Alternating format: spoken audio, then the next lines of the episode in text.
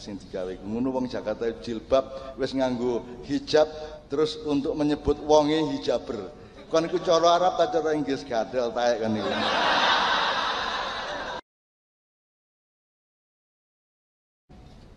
Kalau gusur aksanu aksanu takwim. Kalau perlu tingkat tiga aksanu aksanu aksanu takwim. Karena tidak ada orang yang kecerdasannya melebihi Gus Dur. Tidak ada. Di seluruh dunia dari zaman apa pun sampai sekarang. Wong tak tak tak unggah no tadi presiden terus tak kayak syarat Gus tapi pokoknya presiden mulai sampean gak oleh ono hubungan karo Nyai Roro Kidul. Iku dhek guyu gak apa-apa tenang aja wis tak SMS dhek. Iki krungu wonge ngrungokno iki.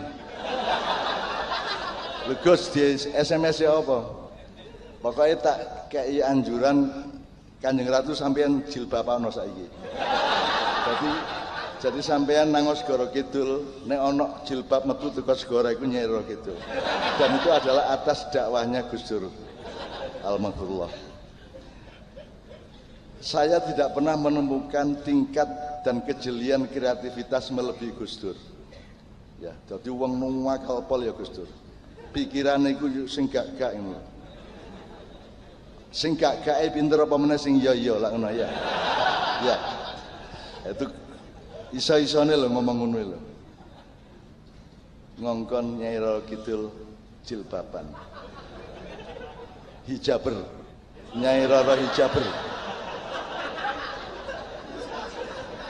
iku yang ngono wong Jakarta itu jilbab kok hijab lho nah hijab iku lak tembok ya korden iku hijab kasful hijab iku me, me, menguak rahasia. Nek nek nek iku ya jalabib yang mufrad mufradat jilbab. Nek sing digawe ngono wong Jakarta jilbab wis nganggo hijab terus untuk menyebut wonge hijaber. Kon iku cara Arab ta cara Inggris? Gadel taek kan iku nek Arab-Arab nek Inggris-Inggris. Jakarta gak jelas. Mulane ibu kota Indonesia nek kata pindah ya rene rek nang Jombang rek. Nang Jombang e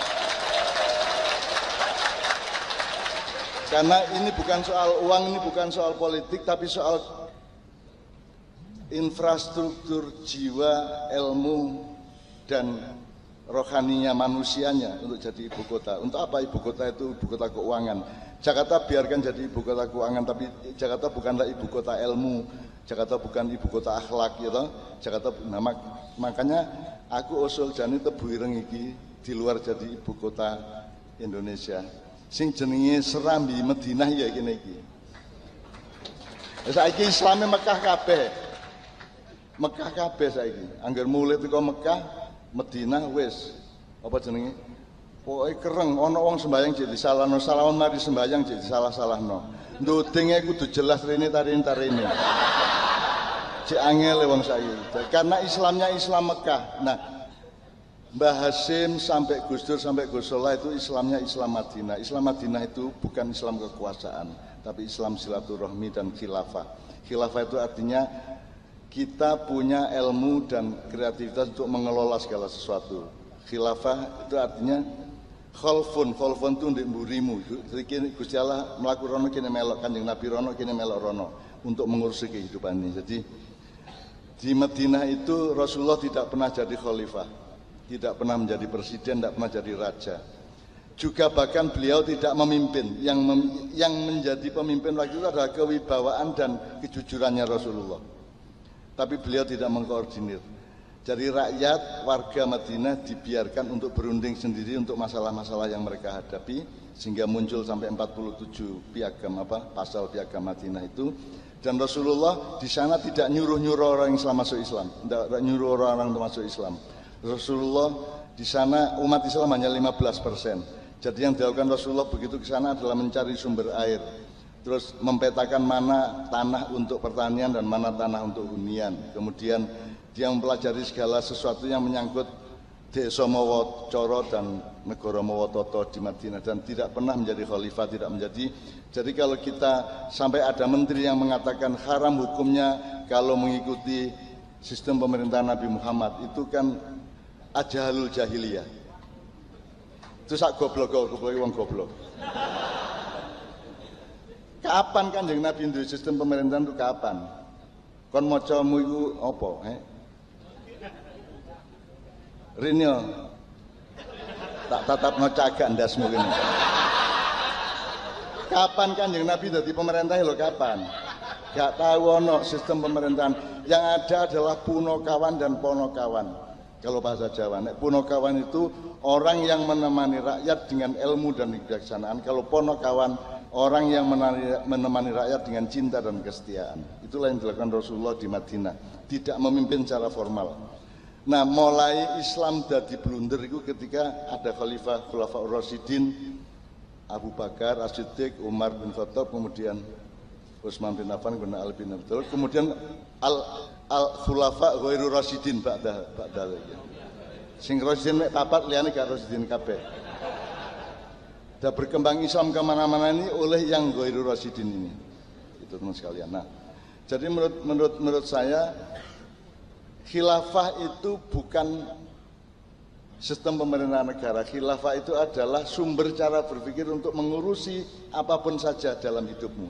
Dari keluargamu, dirimu sendiri, hatimu, pikiranmu, kebunmu, sawahmu, tanamanmu, kencingmu, semua kamu urusi, kamu kelola dengan khilafah itu. Jadi khilafah itu bukan satu bahasa yang bisa dikonotasikan secara padat menjadi sistem kekuasaan. Tetapi sekadung Abu Bakar dari khalifah wong Syiah nek tak kandhani kuwi jeneng sing salah Abu Bakar iku ben lapo dadi khalifah bareng Kanjeng Nabi gak tau dadi khalifah. Seneng atine ya. Ngono gitu cak iya iya. Sing luwih salah meneh Ali ngono lho apa? Lah Ali gelem-geleme terusno lho. Nek aku dadi Ali aku ngelompokno kabeh tak makiyahno kabeh. Tak kelompokno rek wis aku aku gak usah dadi khalifah gak patheken rek. Tapi ayo ngat diatur bareng gawe perjanjian bareng yo apa enake terus iki.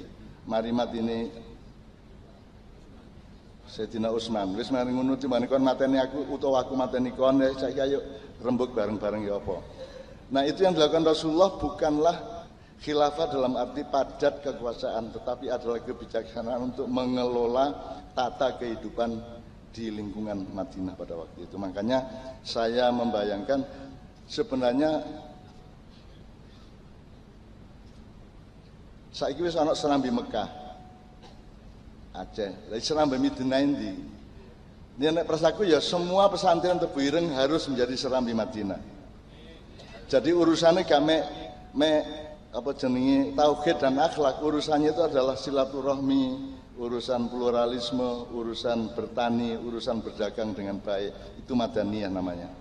Nah, menurut saya Gus Solah adalah orang semacam itu.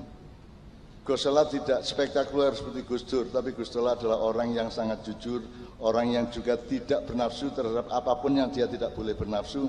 Gus Solah juga tidak mengejar sesuatu yang dia tidak pantas mengejarnya.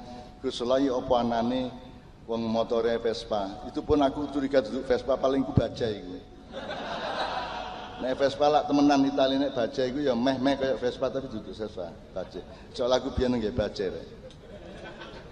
Jadi jadi, karena saya ini dekat sama Gus karena saya beristri dengan orang yang dari berarti bapaknya istri saya itu temennya Gus Solah. Jadi macam-macam bukan karo aku. Moro iki kancane Gus Solah, eh? Iya re, moro tuaku karo cacak nih moro tuaku kancane Gus Solah. Kos bareng zaman ITB biyen tak piturute. Ngono lho rek. Dadi aku iki elek-elek ya warga Tebu Ireng eh.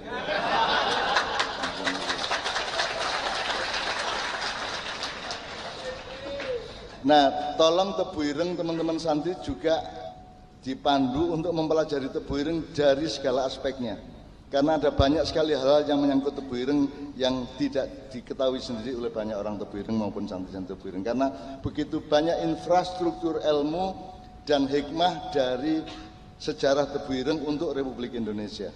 Sangat banyak mungkin sejak pesantren Selawe sampai sampai macam-macam yang Mbah Hasim terlibat terus biyen sapa sing duwe tanah tebireng biyen sing ngekeki sapa? Terus Pak Lurah iku biyen apane Mbah Hasim sak piturute iku ana kabeh sejarahnya kalau Anda mempelajari itu sampai ke resolusi jihad sampai ke kebijaksanaan-kebijaksanaan yang lain pada periode-periode yang berikut-berikutnya insya Allah Indonesia bisa bercermin ke Tebireng kan Tebireng itu ada labnya laboratoriumnya. Apa gorengannya Indonesia gitu wajahnya gitu ini wajahnya kecuali nek kon kepingin nguyui wajan ya yo ono kono. Tapi intinya saya berharap sangat banyak kepada Tebu Ireng dan saya sudah bisik-bisik sama Pak Yai yang baru kita ini untuk suatu hari saya siap kerjasama dengan Tebu Ireng dalam bidang apa pun saja yang kira-kira untuk kemaslahatan Indonesia. Oke, anak-anakku sekalian, saya kira karena saya tadi mengharap kepada Anda agar supaya hembusan nafas Anda malam didorong oleh kepenuhan cintamu kepada Allah, Rasulullah, Gusolah dan semua umat Islam dan semua bumi tanah jagat raya. Maka kan ada kita mengetahui ada pokoknya ini kamu selawatan untuk Gusti Allah Gusti Allah Nabi Muhammad Nabi Muhammad diterus nonang Gusolah nunaya jadi ono rute ada rute cinta di dalam selawat. Itulah sebabnya kita tahlilan. Bayangkan malam hari ini mantan ketua Muhammadiyah Pak Din Samsudin melok tahlilan eh? iya dan itu di samping saya tak lirik-lirik apal tagare gitu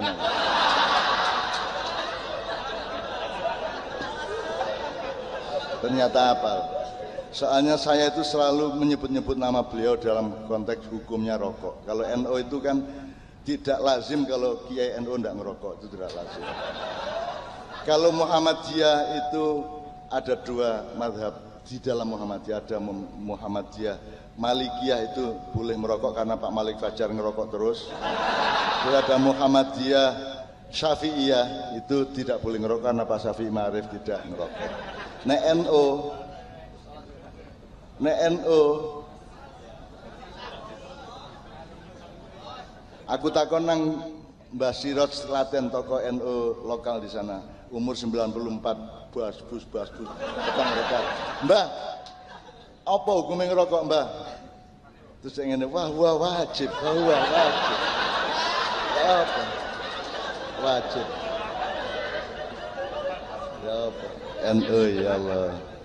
Nah Pak Din itu merokok hanya kalau di Samsu. Makanya kalau ketemu dia siapa? Din Samsu, Din. Jelas ya? Namanya aja Samsudin itu.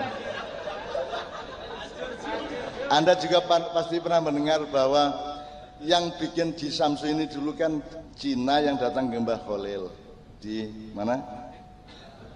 Bangkalan. Terus saya ini usaha apa saya supaya saya bisa hidupnya enak? Gini ini kan banyak kebun tembakau kamu jual rokok aja. Tapi harus konsumennya adalah nahdiyin maka kemudian namanya harus indikatif terhadap wacananya para nahdiyin maka rokok di Samsu itu bintang 9 ya toh Ya, delok aneh saiki. Bukan, bukan rokokmu. Bintang 9. Terus namanya Ji Samsu 2 3 4 salat subuh, salat maghrib, salat zuhur, asar, isya. Ji Samsu jelas. Anda baca sendiri itu. Diwaca mburine niku, diwaca mburine apa? Kayak teks yang bahasa Indonesia lucu itu. Terus Cina si jine lah kula napa Mbah? Wis gak apa-apa dodol rokok, kon belajar maca bismillahirrahmanirrahim. Tapi jenenge Cina gak iso deh. Akhirnya nggawe rokok bismillah. Bismillahirrahmanirrahim. Bismillah. Iku hadis sapa perawine iku rek? Ya sakaremu percaya tak gak percaya pokoknya aku ngomong ngono iku. Kate lapo kon nek seneng-seneng kok gak seneng buahan lak ngono. Wong aku mek ngomong tok. Mosok urip pisan kali guyon ya.